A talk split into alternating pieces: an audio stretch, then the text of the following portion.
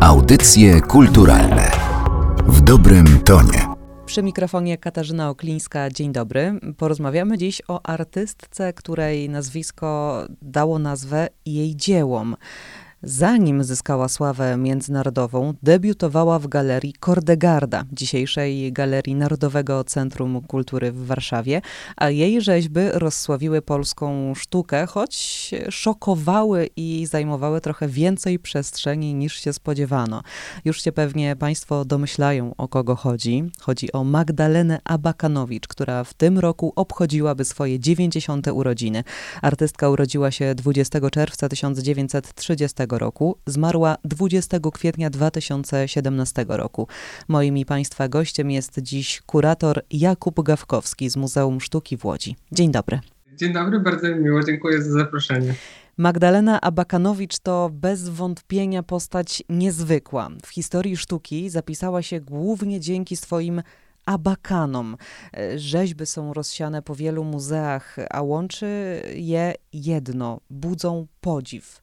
Jak pan myśli, ten podziw bierze się z wyjątkowej formy, którą e, stworzyła Magdalena Abakanowicz, a może z jej konsekwencji działania, że abakany uczyniła swoim, można chyba tak powiedzieć, dziełem życia? Wydaje mi się, że Magdalena Abakanowicz, chociaż kojarzy się nam przede wszystkim z, może w takiej wyobraźni popularnej, jej nazwisko, które zostało splecione z tymi właśnie spektakularnymi formami, które lewitują w przestrzeni, można nie tak naprawdę wejść lub chodzić wokół nich. Te abakany musimy pamiętać, że są tylko jakimś wycinkiem y, z jej bardzo bogatej twórczości, tej twórczości rozpiętej na wiele dekad, od lat 60. Y, niemal do, do, do, do samej śmierci. A te abakany, o których pani wspomina, na pewno ten wątek re rewolucyjności i tej spektakularności jest tutaj istotny, bo, bo musimy pamiętać, że to właśnie Bakanowicz, oczywiście nie sama, bo, bo, bo mówimy tutaj o, o pewnej generacji artystek, której Magdalena Bakanowicz była częścią, które wprowadziły tkaninę artystyczną w takiej formie do. Do świata sztuki. Sztuki współczesnej, dokładnie. I ta tkanina artystyczna, która była takim medium, powiedzmy sobie, dekoracyjnym, mieszczańskim, dekorującym jakąś przestrzeń, czy tym medium, które zawsze wpisane było w przestrzeń ściany chociażby, mówiąc już tak najbardziej prostym językiem, w twórczości Abakanowicz i współczesnych jej artystek stało się coś takiego, że te tkaniny mogły tak naprawdę wybrzmieć i te tkaniny zostały w pewien rewolucyjny sposób wytrącone ze swoich ram. I tutaj trzeba przypomnieć o pierwszym Biennale Tkaniny w Lozannie w roku 1962, kiedy właśnie grupa polskich artystek, innymi Abakanowicz, wzbudziły sensację na tej francuskiej imprezie, tak naprawdę talentem, ale także odwagą właśnie do tego, żeby całą niemalże tradycję francuskiej tkaniny artystycznej tam u gospodarzy zrewolucjonizować i pokazać, że to może, że tkanina artystyczna może być czymś zupełnie innym, może być ekspresyjna, może działać w przestrzeni, może, może posługiwać się jakąś formą, w której te sploty włókien y, opowiadają pewną historię samą swoją ekspresyjną, niezwykle silną, pobudzającą wyobraźnię formą. Magdalena Abakanowicz y, miała świadomość, że abakany są inne i wyjątkowe. Powiedziała kiedyś, że drażnią ludzi, że są nie w porę.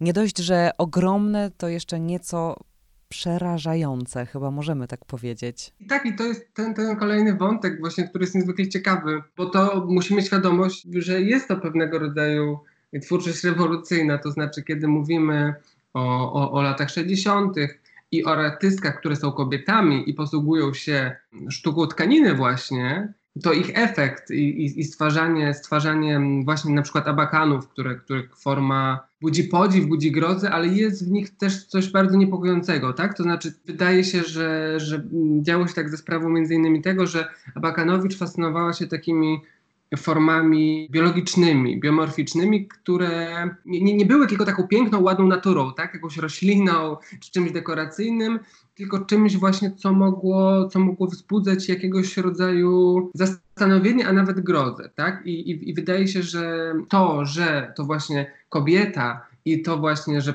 że kobieta posługująca się tkaniną tworzyła kompozycję o takiej sile, na pewno było dodatkowym jakimś takim elementem, dlaczego ta twórczość była tak ciekawa i tak interesująca, nie tylko w Polsce, ale na całym świecie. Powiedzieliśmy już, że Abakany to tylko fragment, wycinek twórczości Magdaleny Abakanowicz. Artystka tworzyła też przede wszystkim powinniśmy je wymienić obok abakanów, prace zbiorowe, czyli rzeźby wykonane z żeliwa.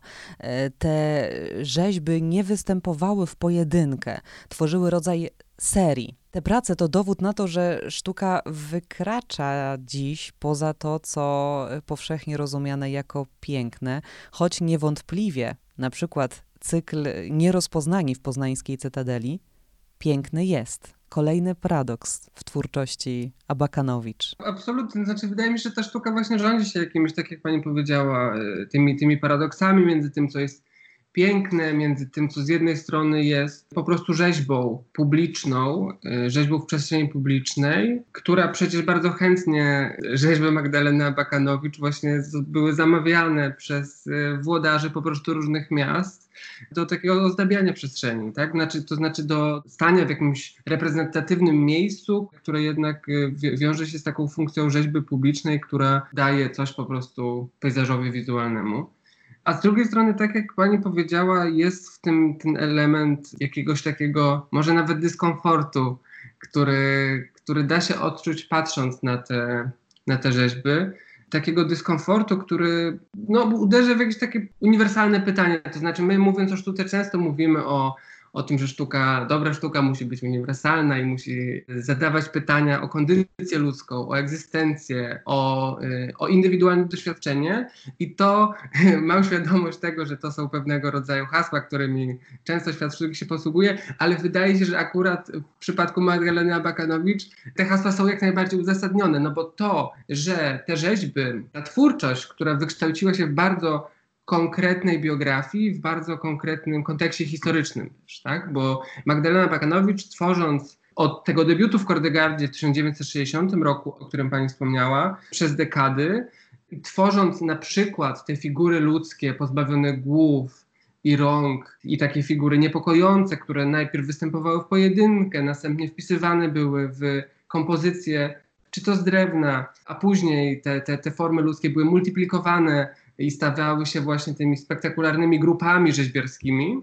Ta twórczość, która w Polsce z oczywistych względów i, i w naszej części Europy wzbudzała skojarzenia z przeszłością wojenną chociażby i z taką poszarganą kondycją ludzką, która ucierpiała na skutek wielkich katastrof XX wieku. I, I, ten wątek rozwijany był tak, w twórczości, w interpretacjach twórczości Abakanowicz ze względu też na, na jej przeszłość. Na to, że miała 9 lat, kiedy wybuchła wojna, spędziła dzieciństwo w wojennej Warszawie i łatwo było tą sztukę, to znaczy interpretować na przykład w kontekście innych artystów i artystek, które tą, tak jak powiedziałem, po, po, poszarpaną kondycją ludzką XX wieku się zajmowały, tak jak Tadeusz Kantor chociażby. Ale z drugiej strony jest tam coś jeszcze, to znaczy coś, co nie pozwala tak łatwo wpisać tego w taki schemat historii sztuki. Przez to chociażby, że Abakanowicz w swojej twórczości odwoływała się do takiego nawet, można powiedzieć, przedmodernistycznego wizerunku, a może roli artysty, artystki, jako, jako takiego szamana, szamanki, tak? która jest łącznikiem pomiędzy siłami natury, a wizem, a ludnością. Czyli chyba można powiedzieć, biorąc pod uwagę to, co, to, co pan przed chwilą wygłosił, Magdalena Abakanowicz w centrum stawiała człowieka. Można powiedzieć, że człowiek ten taki pojedynczy człowiek, który musi odnaleźć się w tłumie wśród wielu innych takich samych ludzi, jest w centrum zainteresowania tej artystki, czy, czy był ta jego anonimowość i zagubienie w tłumie właśnie. Natrafiłam y, na takie zdanie Magdaleny Abakanowicz, która powiedziała, że e, prawdopodobnie będzie porzucała różne formy tworzenia swoich prac, ale nigdy nie porzuci e, wątku, który porusza w tych pracach. O czym więc chciała powiedzieć? Czy pozostawiła taką pustą przestrzeń, żebyśmy mogli sami ją wypełniać zmianami klimatycznymi, albo historią Papui Nowej Gwinei, albo II wojną światową, to są tematy tak od siebie odległe, a wymieniliśmy tylko trzy, e, że być może Magdalena Abakanowicz wzięła to pod uwagę i pozostawiła taką pustkę, ale nie pustkę treści, wręcz przeciwnie, tylko miejsce na interpretację swoich dzieł. To, to miejsce absolutnie jest i ono wydaje się, że nawet było w pewien sposób programowe, bo ta aura tajemniczości, ta aura tego nie, niedopowiedzenia jest, jest też takim elementem, który towarzyszył tej rozwijanej twórczości Abakanowicz. I tak, i te tematy, to znaczy te wątki, które możemy odnaleźć w tej twórczości na przestrzeni lat, to są tak naprawdę wątki opowiadania o świecie, które otacza artystkę, ale to jest też historia o niej samej, tak? To znaczy, tak jak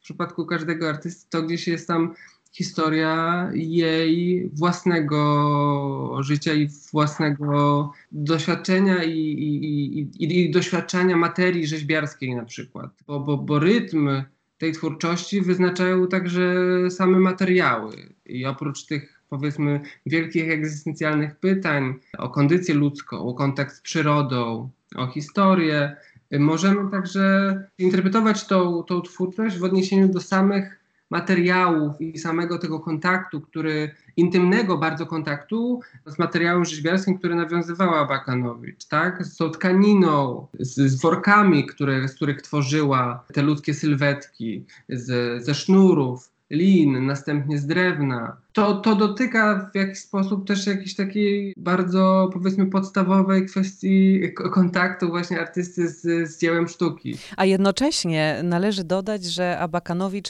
mówiąc o człowieku, symbolicznie pozbawiała go prawa głosu, robiąc, rzeźbiąc, tworząc sylwetki, tak jak pan powiedział, bez twarzy czy bez rąk pozbawiając ich sprawczości tak naprawdę. Weźmy na przykład Klatkę i plecy, rzeźbę, którą można zobaczyć w Muzeum Sztuki w Łodzi. To praca, o której pani wspomniała, Klatkę i plecy, czy figura za szkłem z roku 1991. Ta figura ludzka stojąca, wpisana w taką konstrukcję ze szkła i metalu, czy, czy ona jest pozbawiona sprawczości? To znaczy, to jest kwestia otwarta, bo jeżeli mówimy o tych postaciach, to one opowiadają pewnej katastrofie, ale jest w nich też ta podniosłość, posągowość, która jest jednocześnie taką posągowością i taką odwiecznością. Figury, która, która może się kojarzyć z, z posągami starożytnymi, chociażby, które, które my możemy podziwiać dzisiaj, ale które liczą tysiące lat. I wydaje mi się, że te prace Abakanowicz, one mimo tego, że chronologicznie tak możemy zadatować je na przykład na rok 1991 czy 1978, 70 56 i tak dalej. W tych figurach tworzonych przez artystkę jest właśnie i od początku była pewna ponadczasowość i pewne, pewne dążenie do wieczności. To znaczy, to jest wielkie słowo, ale wydaje mi się, że te rzeźby też